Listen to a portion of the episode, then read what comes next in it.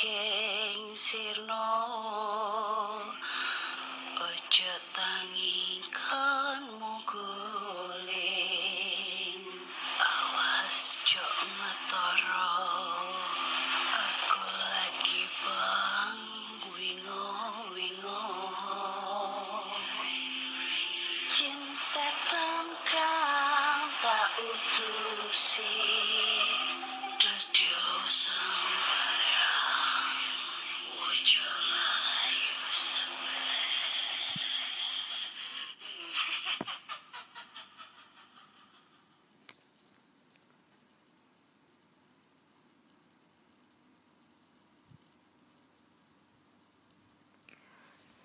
Halo, assalamualaikum warahmatullahi wabarakatuh. Selamat datang di podcast kisah horor. Eh, mantap. Oke, hari ini hari Jumat ya, udah masuk hari Jumat, tanggal 17 Juli 2020 pukul 1 lewat 55 menit dini hari. Ya, seperti biasa, aku akan membacakan cerita ini lewat tengah malam karena selain untuk menghindari suara bising di luar, selain itu juga harus eh, apa ya? Aku itu pengen banget untuk merasakan eh aura dari cerita horor yang sudah dikirimkan teman-teman. Dan ini udah banyak banget cerita yang masuk dari teman-teman semuanya yang udah masuk di email podcastkisahhoror@gmail.com ataupun di DM Instagram podcast kisah horor dan DM Instagram Ana Olive. Ya, oke. Huh. Malam Jumat kemarin ngapain ya? Malam Jumat kemarin aku habis collab sama temen aku ada salah satu temen konten kreator misteri juga.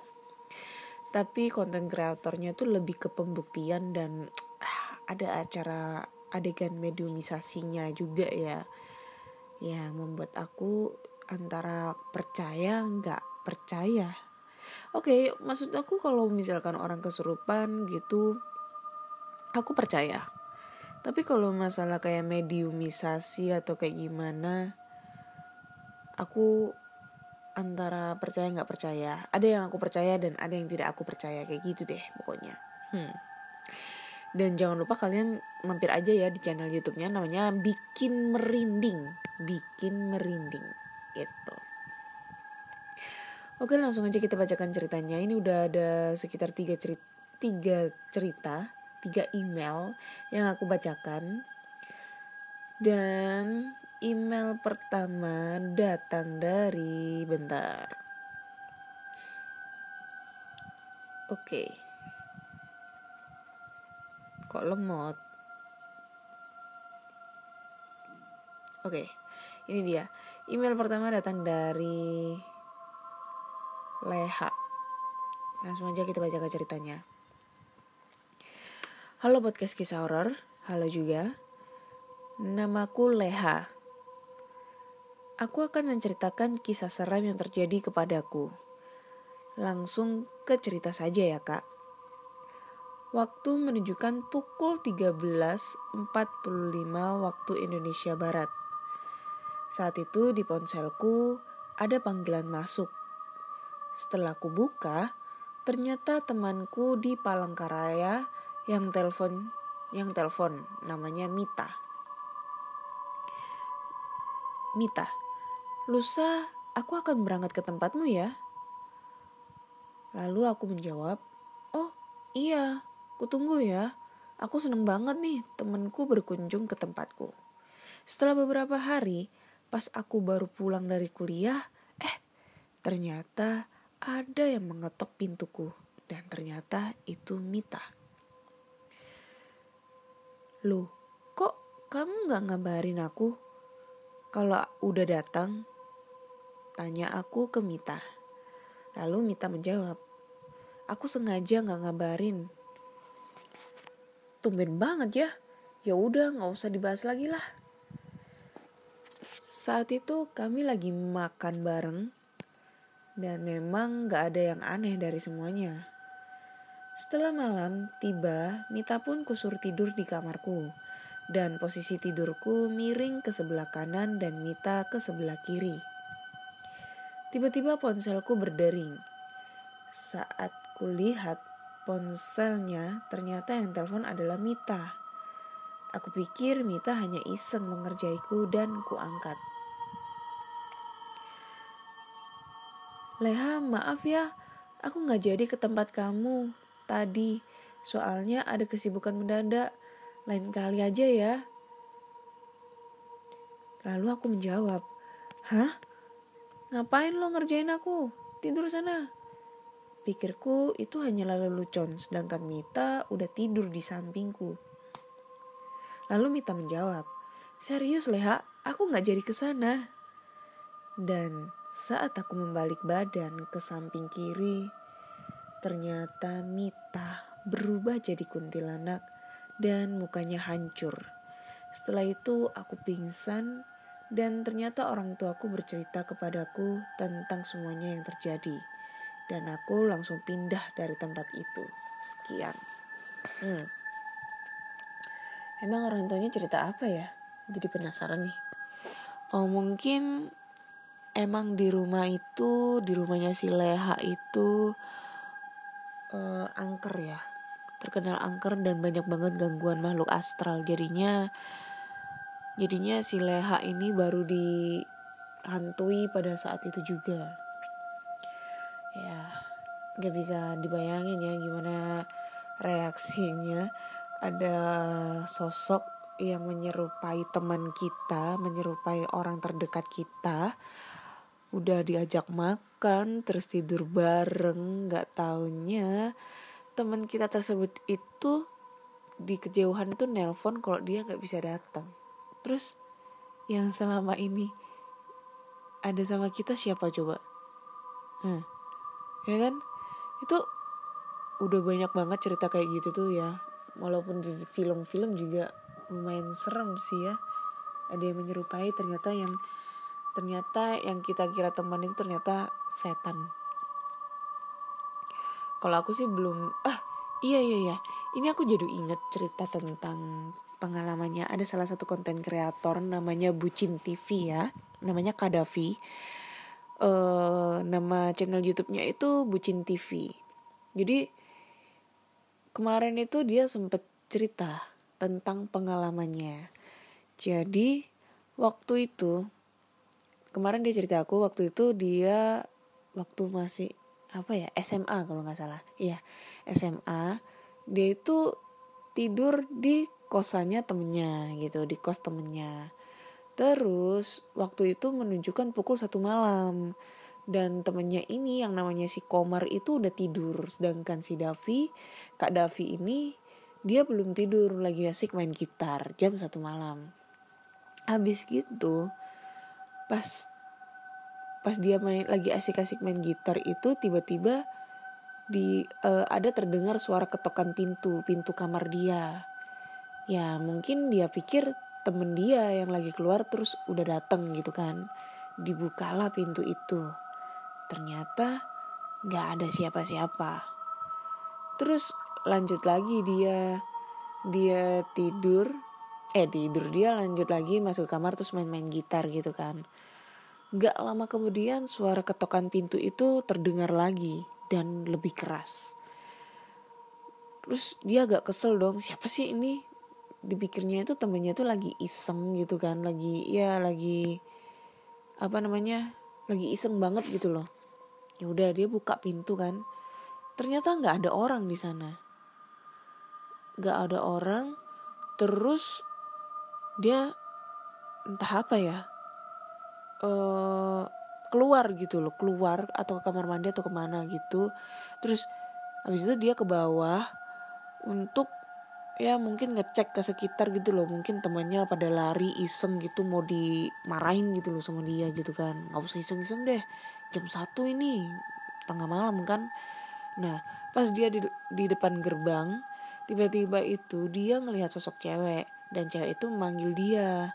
Dan ternyata yang yang manggil dia itu ceweknya pacarnya temen dia yang lagi tidur di dalam gitu kan. Namanya siapa ya? Aku lupa.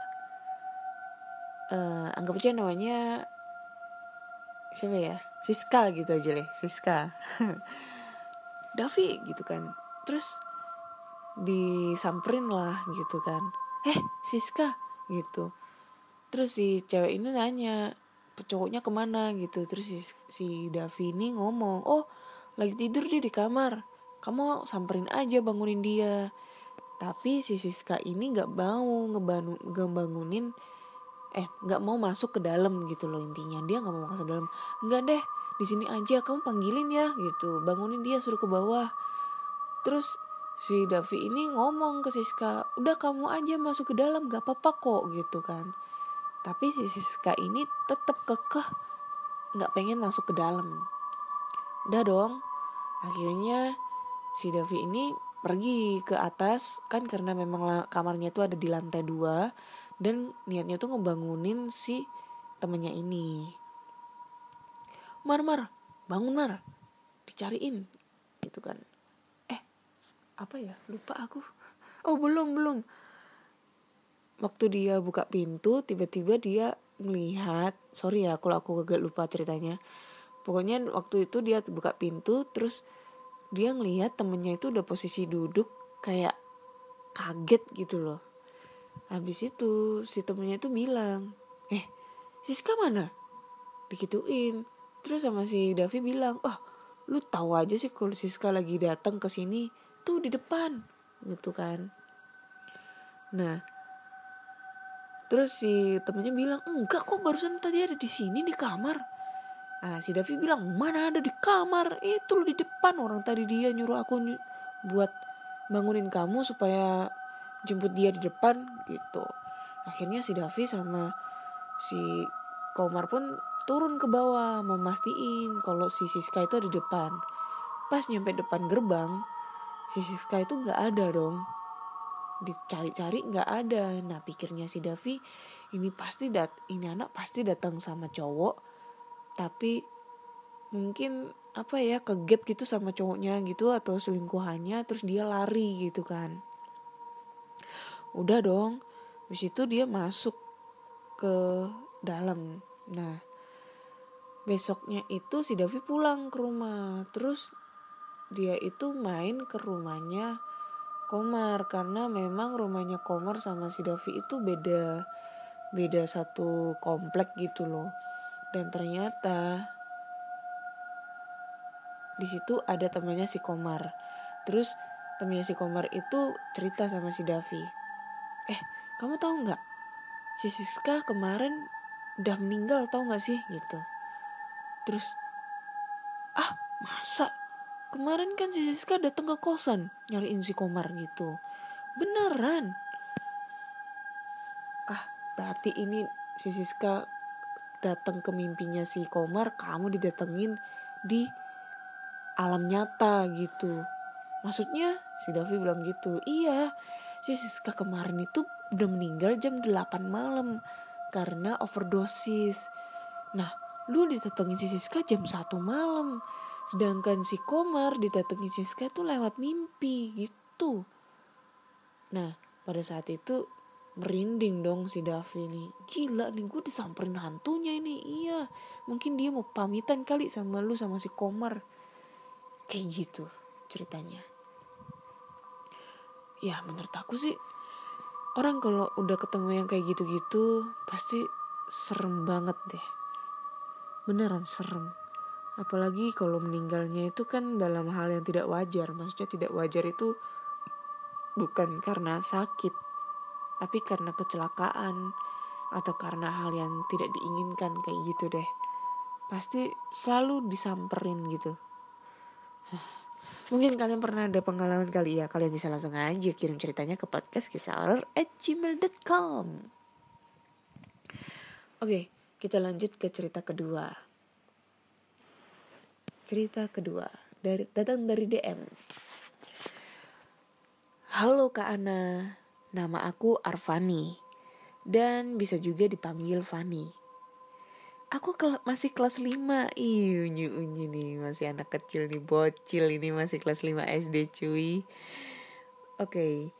Jadi ceritaku itu terjadi pada saat tiga tahun yang lalu. Anjay tiga tahun yang lalu. Lu kelas 2 dek Waktu itu aku sedang duduk di kursi depan tangga rumahku. Oh, kursi depan tangga. Kursi depan tangga. Gimana ya kursi kursi depan tangga? Kursi depan di tangga gitu ya. Ah, nggak tahu lah. Sambil makan nasi goreng. Dan setelah selesai makan, selepas itu tiba-tiba papaku naik ke lantai atas rumah. Lalu aku pun panggil papaku. Papa? Tapi dia nggak menjawab sama sekali sautku. Karena merasa penasaran dengan apa yang papa lakukan di atas, akhirnya aku, uh, aku pun naik ke lantai atas juga dan setelah aku cari-cari, ternyata di atas tidak ada papaku. Hanya ada sebuah hawa yang sangat dingin sekali. Lalu aku segera turun ke lantai bawah. Aku mencari bunda dan segera bertanya kepada bundaku. Bun bunda, tadi papa naik ke lantai atas tidak? Tanyaku. Lalu bundaku pun menjawab, enggak. Tadi papa tidak naik ke atas. Papa lagi benerin sepeda di depan rumah. Mendengar itu, lalu aku langsung segera berlari keluar untuk memastikan papaku ada di depan rumah dan bertanya tentang kejadian yang tadi aku alami. Setelah aku jelaskan semuanya, lalu papaku menjawab, "Tidak, papa tidak naik ke lantai atas." Lalu yang naik tadi ke lantai atas mirip papaku itu siapa? Siap, sekian pengalamanku kak. Terima kasih dan maaf ya kalau ceritanya tidak seram, tapi ini nyata, terjadi dan dialami olehku sendiri. Oke, okay. terima kasih adik Arfani, adik Fani ya untuk ceritanya. Hmm. Biasanya sih kalau masih rawan, masih kecil ya, masih kelas 2, 3 ya, masih SD gitu dia biasanya punya punya kelebihan mas bukan kelebihan ya tapi dia kan masih suci gitu ya jadi uh, indra indra keenamnya itu masih kebuka gitu masih peka gitulah masih peka. Jadi ya mungkin dia lihat itu ya ya sosok yang menyerupai papanya gitu. Nah sa ya sama dengan cerita yang pertama gitu kan. Yang cerita pertama itu sosok yang menyerupai temennya padahal itu bukan temennya. Sedangkan cerita kedua adalah sosok yang menyerupai papanya naik ke atas ke, ke lantai atas. Uh, dua cerita udah tentang mengisahkan cerita tentang uh, sosok yang menyerupai. Ketambahan sama satu cerita dari aku, ya dari teman kreat teman kreator aku, jadinya jadi tiga cerita yang menyerupai. Nah loh, pasti abis ini aku bakal ngedapetin uh, ini pengalaman ada sosok yang menyerupai bisa jadi. Bisa jadi bisa jadi. Nih ya. Oke kita lanjut ke cerita ketiga. Ini ceritanya pendek-pendek ya. Kalau pendek-pendek nanti aku tambahin bonus satu cerita. Oke cerita ketiga datang dari email. Judulnya adalah Hantu Ambulans.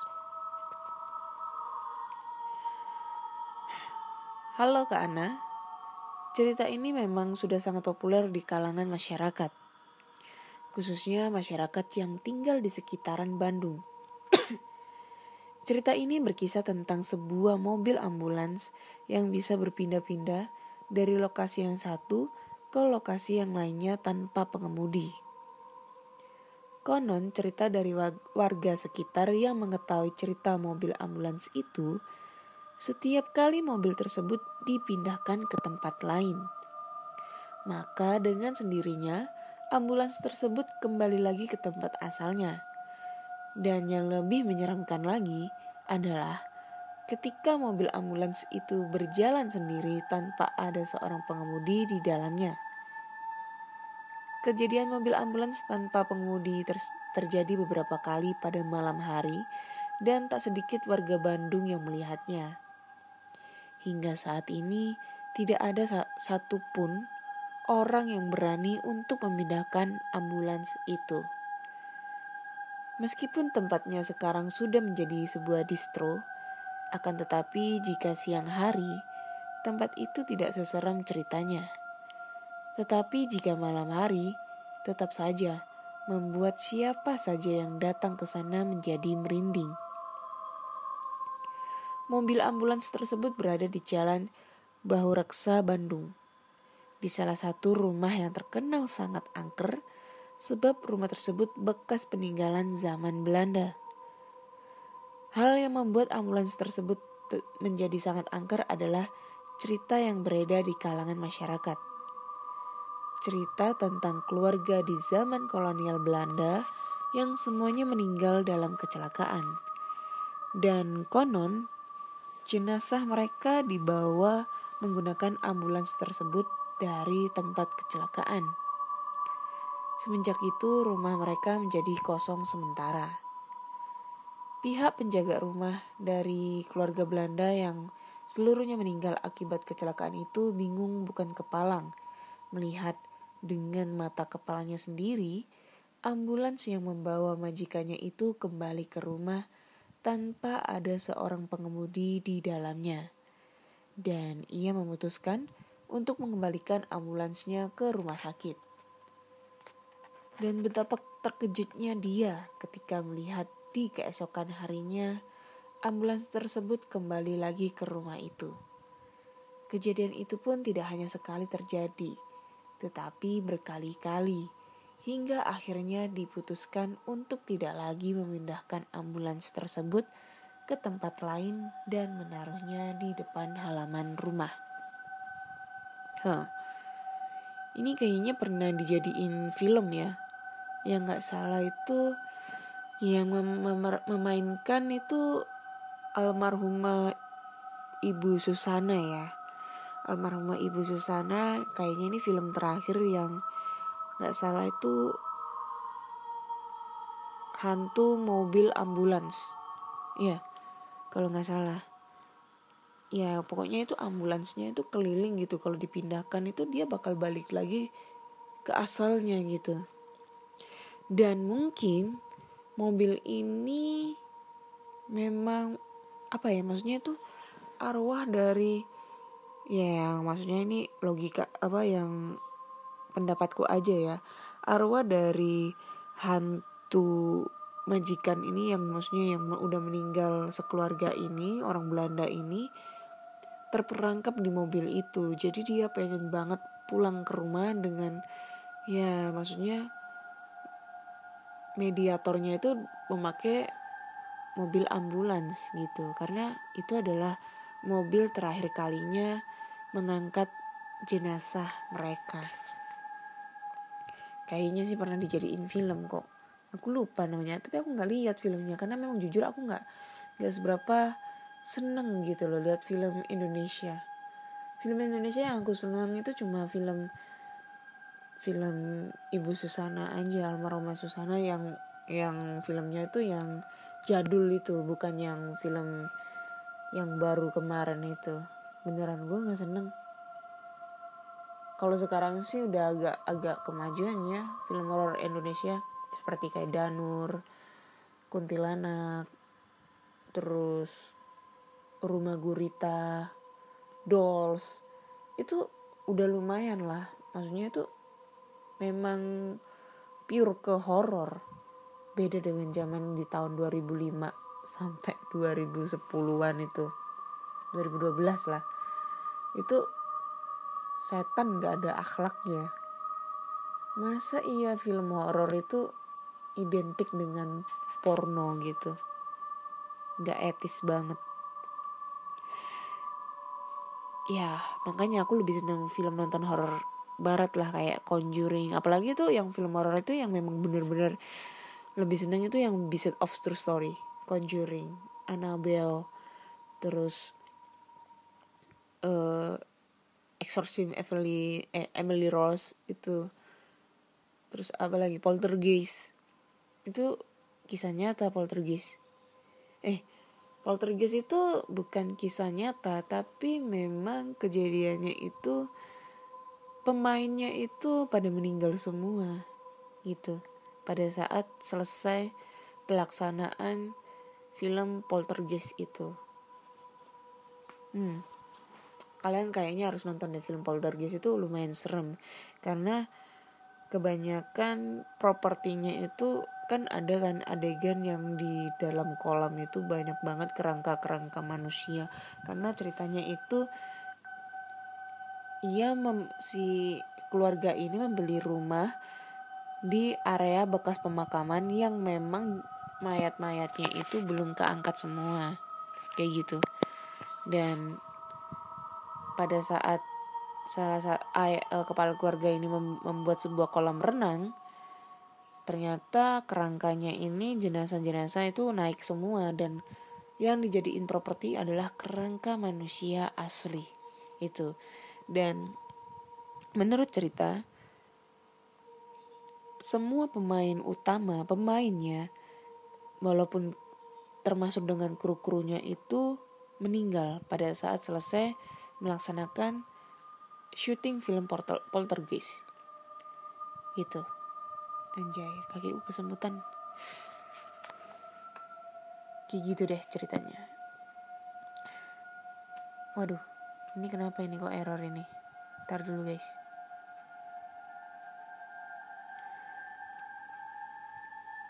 Oke lanjut ke cerita terakhir ya karena emang ini kok gini ya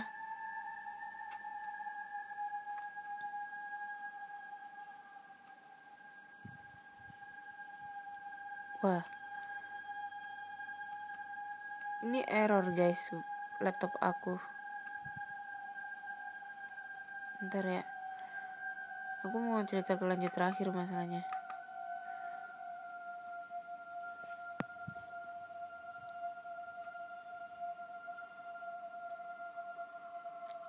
Oke ini kayaknya nggak bisa deh ini laptop aku kenapa error jadi aku nggak bisa ngelihat bacaan tulisannya karena ketutupan aplikasi gitu dan aplikasinya nggak bisa dikeluarin anjir males banget deh Oke, jadi cukup sekian dulu ya cerita kali ini. Udah tiga cerita plus satu cerita dari pengalaman teman aku, konten kreator Bucin TV. So, jika kalian mempunyai cerita horor yang entah itu pengalaman dari teman, atau mungkin kakak, adik, lalu kak, ayah, ibu, kakek, nenek, kalian bisa langsung aja kirim ceritanya ke podcast kisah horor at gmail.com ataupun di DM Instagram podcast kisah horor dan DM Instagram Ana Olive. Dan jangan lupa klik tombol follow ya karena podcast kisah horor sekarang udah eksklusif di Spotify, Google Podcast, Apple Podcast dan Anchor. Jangan lupa klik tombol follow ya.